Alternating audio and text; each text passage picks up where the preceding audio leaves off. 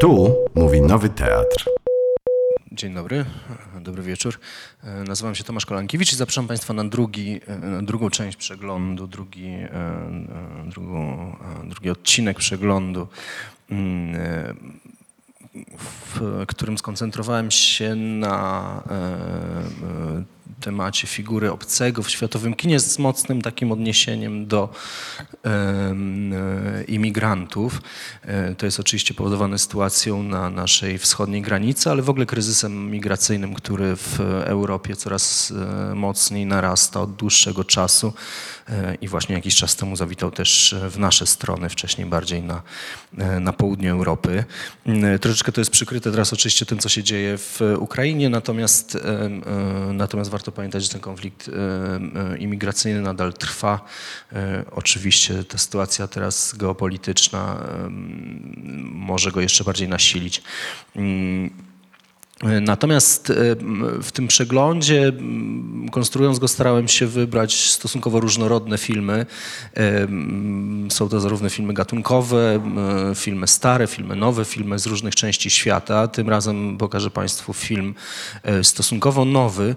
E, Tak mi się w każdym razie wydawało, że tak dopiero co go e, widziałem w kinie, natomiast się okazuje, że to już było 6 lat temu, także, e, także on już też e, swoje lata ma. 2015 rok, w tym 2015 roku e, prezentowany był na różnych mm, międzynarodowych festiwalach, przede wszystkim na festiwalu w Cannes, e, gdzie e, wygrał główną nagrodę e, e, Złotą e, Palmę. Jego polski tytuł to e, Imigranci i jest to bardzo dokładne e, tłumaczenie tytułu oryginalnego, który brzmi Dipan e, i jest to imię e, głównego bohatera. Także tutaj, jak czasami to bywa, dystrybutor postanowił troszeczkę dodać od siebie i zamiast, w związku z tym zamiast tytułu Dipan mamy tytuł Imigranci, który rzeczywiście bardzo dokładnie opisuje temat tego filmu, natomiast nie- niedaleko, dosyć daleko jednak się plasuje od, od tytułu oryginalnego. Mm, e, Reżyser tego filmu, czyli em, Jacques Audiard, to jest em, jeden z takich, taka główny, jedna z głównych postaci francuskiego kina ostatnich lat, e, tego takiego pokolenia, które czasami jest nazwane e, odnowicielami francuskiej kinematografii. On tak dosyć nietypowo do kinematografii się, się dostał, debiutował późno, już będąc po czterdziestce. Jest też, na- na- początkowo pracował jako scenarzysta, podobnie zresztą jak jego ojciec Michel, który był e, też reżyserem filmowym, bodajże chyba tylko trzy czy cztery filmy zrealizował. Żaden z nich nie zapisał się jakoś na kartach historii kina szczególnie, niezbyt był talentowanym reżyserem, natomiast był bardzo wziętym scenarzystą, głównie w latach 60. i 70 kiedy współpracował z różnymi e, francuskimi twórcami, więc pochodzi z takiej, można powiedzieć, filmowej rodziny, ale rzeczywiście dosyć późno do tej kinematografii się dostał. E, Natomiast rzeczywiście jest twórcą e, kilku takich filmów, które dosyć mocno namieszały w którymś momencie w światowym kinie. Mm, Takim, e, wydaje mi się, pierwszym filmem, który, e, który sięgnął rzeczywiście już po nagrody, też na międzynarodowych festiwalach, był jego film Prorok, który mm, dosyć dobrze pokazuje ten e, styl właśnie tego reżysera, to znaczy z jednej strony nawiązanie do różnych konwencji gatunkowych, to był film, który się mm, toczył w, e, w więzieniu, był z takiego podgatunku filmów e, jak gdyby dziejących się w systemach, dotyczących systemów penitencjarnych, natomiast był też, e, zdradzał jakąś taką fascynację różnymi konfliktami międzyludzkimi, które się pojawiają także w kontekście właśnie etnicznym, religijnym, też ekonomicznym. Mm, Było to taka dosyć ciekawa mozaika, e, też właśnie etniczna e, w, we francuskim więzieniu, gdzie, gdzie różne mafie się ścierały. Z jednej strony muzułmanie, z drugiej strony mafia korsykańska, bardzo, e, bardzo brutalna. I ten film był prezentowany także właśnie na festiwalu w Cannes. Nie wygrał tam Złotej Palmy, natomiast wygrał Grand Prix tej, tej imprezy. Był potem nominowany do Oscara. Audiard potem jeszcze zrealizował taki film Rust and Bone e, e, oraz e, już niedawno pierwszy swój film anglojęzyczny zrealizowany w Stanach Zjednoczonych, czyli film Bracia Sisters, zrealizowany w konwencji westernowej.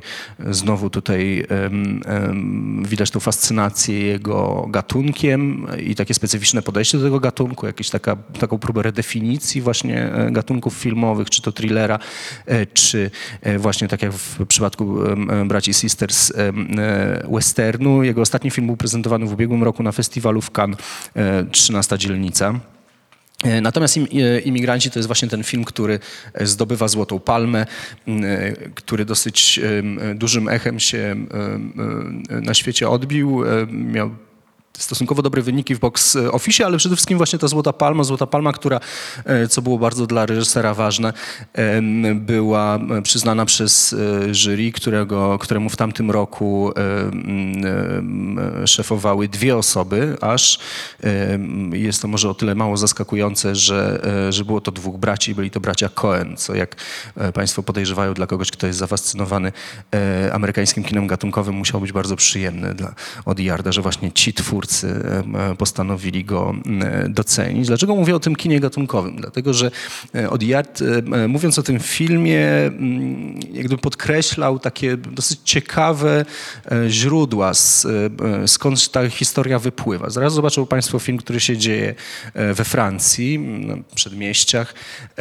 imigranckich francuskich, natomiast jest historią tamilskiego tygrysa, czyli bojownika w wojnie domowej na, em, w Sri Lance, na, na Ceylonie. Mm, e, Natomiast te pierwowzory, do których, e, na które wskazywał sam reżyser, e, były dosyć ciekawe. Były to perskie listy, e, przepraszam, listy perskie e, e, Monteskiusza e, oraz film e, sama Pechinpacha e, e, z Dustinem Hoffmanem, film Nędzne psy, film, który w latach 70. e, e, z, m, był częścią takiej fali mm, bardzo e, podówczas kontrowersyjnej. Dzisiaj te filmy, można powiedzieć, w komplecie e, są w kanonie światowej kinematografii, natomiast wtedy e, e, rozgorzała wielka dyskusja na temat e, brutalności kina, e, tego, jakie są granice tej brutalności. Były to takie filmy właśnie jak Nędzne psy e, Pekinpacha, czy chociażby film Stanleya Kubricka, Mechaniczna pomarańcza, film, który w wielu krajach był e, zakazany. Dzisiaj, jak wiemy, jest e, absolutną klasy, uznawany za absolutną klasykę mm, światowego kina. Zresztą podobnie jak e, Nędzne psy, film, który no, poza tutaj tą fascynacją od Jarda, doczekał się też remake'u w ogóle w Stanach Zjednoczonych zrealizowanego mm, e, jakiś czas temu. E, Natomiast oczywiście mm, Odiard pożyczył z tego filmu strukturę i różne tropy, natomiast trudno to nazwać remake'iem. Podejrzewam też, że gdybym, e, e, że, że nawet jeśli ktoś z Państwa zna ten film i gdybym tego nie powiedział, to, to być może Państwo te, te, te, tego jak gdyby podobieństwa nie zauważyli, bo jak to czasami bywa e, w przypadku Odiarda, to zdradzanie właśnie tych swoich tropów i e, jakichś takich inspiracji, no, e, e, ono jest troszeczkę taką też przewrotną grą z e, widzem troszeczkę, chociaż rzeczywiście tutaj różne struktury narracyjne się, em, e, się pojawiają. Bardzo ciekawa jest, e, e, jest to, jak Odiard e, podejmował decyzję o tym, żeby właśnie e, tą grupą imigrancką się zająć. To znaczy, założeniem jego było to, że on chciał opowiedzieć o mm, mm, kryzysie imigranckim, który, jak Państwo być może wiedzą, we Francji jest bardzo silny i e, też dosyć mocno wpisany w e, ten kontekst e, bardzo silnych niepokojów ekonomicznych, które, które we Francji mm, mają miejsce.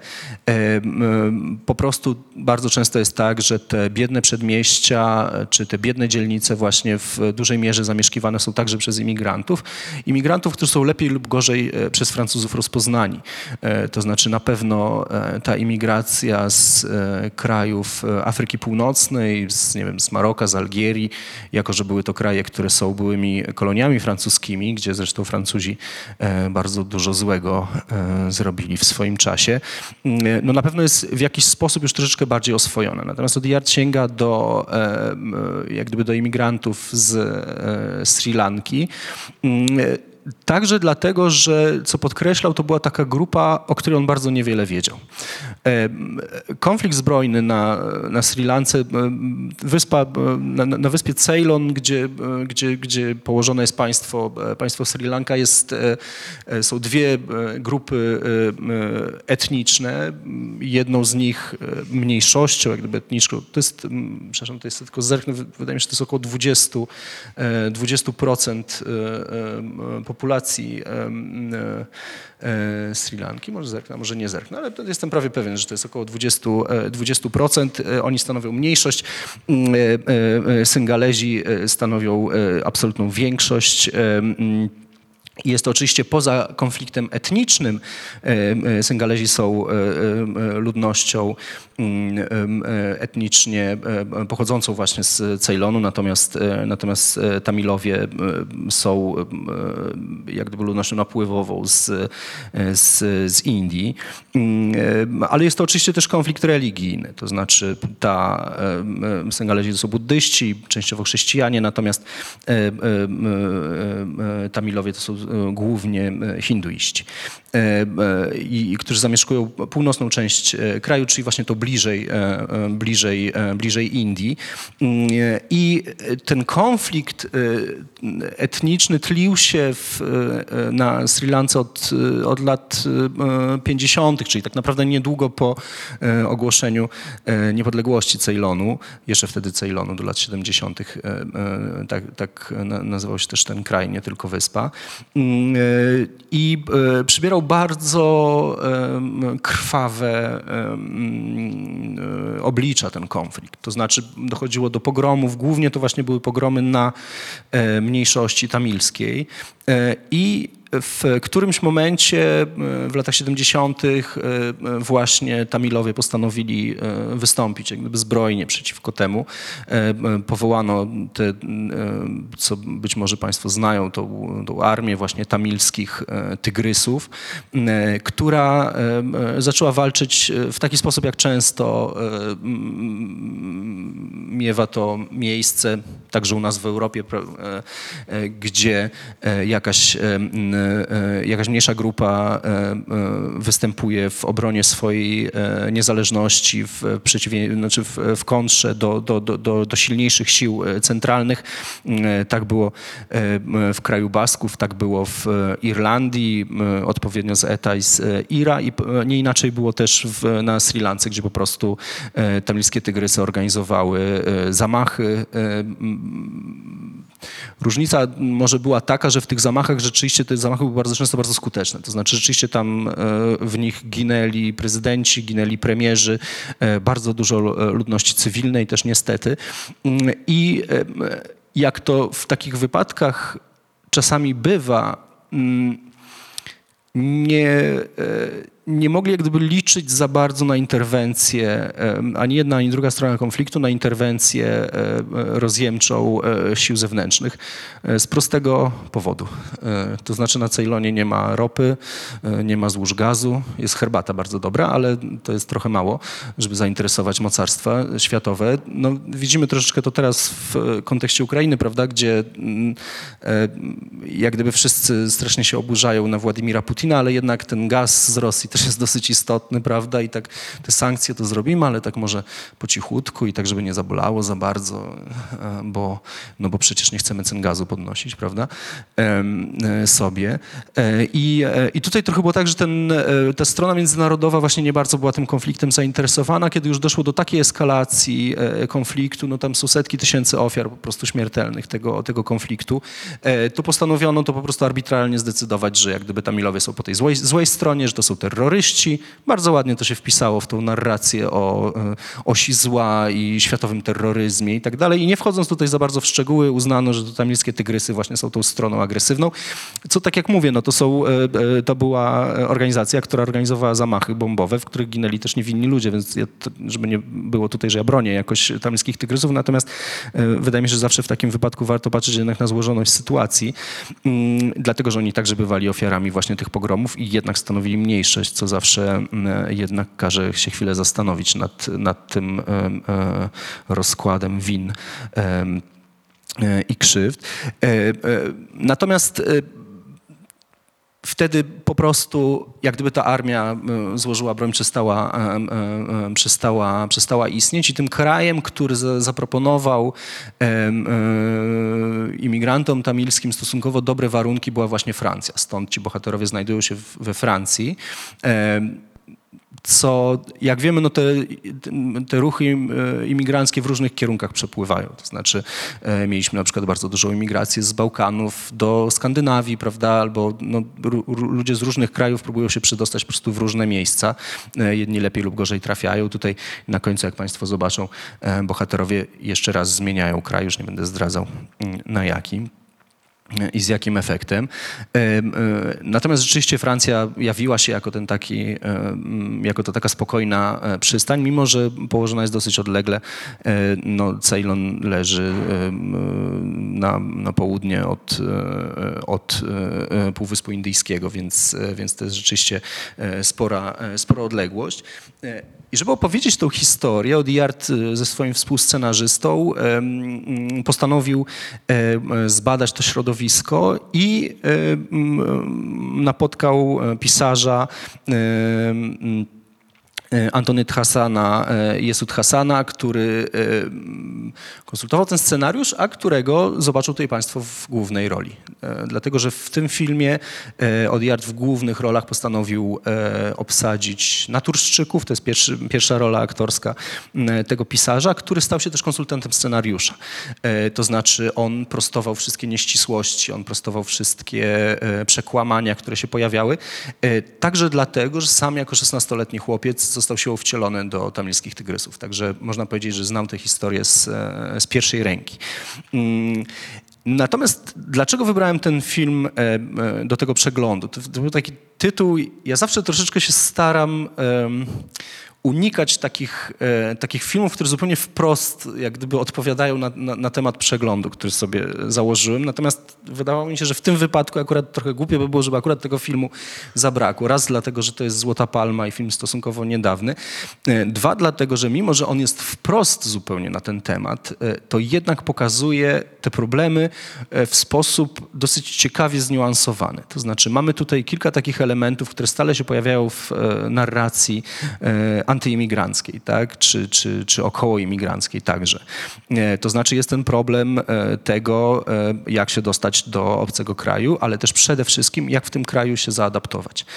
To znaczy ważne jest to, żeby pamiętać, że samo jak gdyby dostanie się do tej ziemi obiecanej, to jest tak naprawdę bardzo często dopiero początek problemów tej, e, e, tych migrantów. Mm, I e, no tutaj zobaczą Państwo cały szereg tych trudności, na które oni natrafiają, ale także jest to ciekawe, wydaje mi się, takie spojrzenie właśnie na ten kontekst taki mm, tych rodzin, prawda, że tak patrzymy, że bardzo często to się w narracji politycznej pojawia, zresztą często z różnych stron politycznego sporu, co ciekawe, że jak gdyby tak, tak trochę łatwiej jest jak gdyby przyjąć właśnie e, kobiety z dziećmi niż mężczyzn na przykład, a e, właśnie może niechętnie rodziny, no bo przecież e, tutaj będą na pewno zaraz nam się zaczną rozmnażać i nie daj Boże po prostu przejmą nasze miejsca pracy, które jak wiadomo są strasznie, są na- tyle zagrożone, że muszą je właśnie rzeczy oni Uk- Ukraińcy bardzo często zajmować, dlatego że Polacy się jakoś nie garną jednak do tej pracy za bardzo. Więc warto tutaj zobaczyć na to, jakie, jakiego rodzaju problemy to generuje jak gdyby dla tej drugiej strony, to znaczy dla samych tych osób, które próbują uciekać.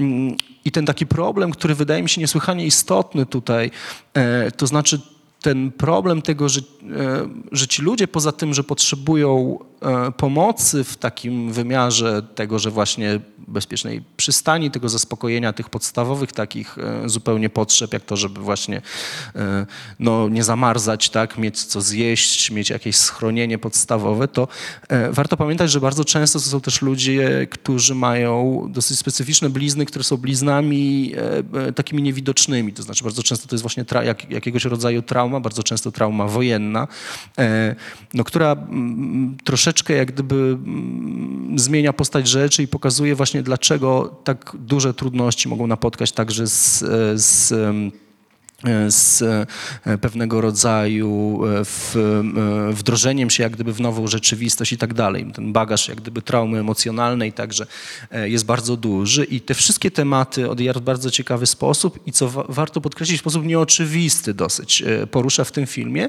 Porusza znowu właśnie odwołując się jednak także do tej, e, do tej formuły kina gatunkowego, czy w jakiś sposób e, dając jakąś taką artystyczną e, interpretację e, e, tej formuły. Mm.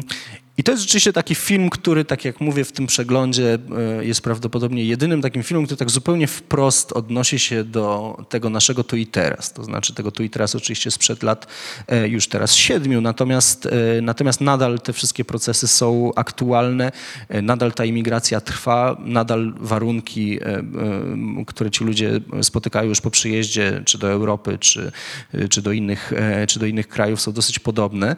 Mm, I mogę tylko Państwu powiedzieć, że to e, będzie jedyny taki, przegląd, taki film w tym przeglądzie, że pozostałe troszeczkę bardziej będą zniuansowane i troszeczkę bardziej e, będę się koncentrował właśnie na tej figurze obcego, także żeby pokazać z bardzo, e, z bardzo wielu stron e, e, tą figurę, także z tej strony takiej e, militarnej. Od razu mogę tutaj e, zaprosić Państwa na film e, John Rambo, e, Pierwsza krew, e, w którym opowiem troszeczkę o tym, jak to jest z e, żołnierzami, którzy wracają do domu z przegranej wojny i dlaczego wcale nie są witani wtedy e, przez naród, który stoi murem za mundurem, tylko wtedy ten mur rzeczywiście się okazuje stać, ale nie jest to mur przyjazny, bynajmniej. Mm, Więc e, będę się starał ten, e, ten temat potraktować dosyć szeroko, a póki co pozostawiam Państwa z jednym z najbardziej utytułowanych filmów artystycznych ostatnich sezonów artystycznych, ostatnich sezonów filmowych, filmem Dipan, co w luźnym polskim tłumaczeniu oznacza imigranci. Miłej projekcji.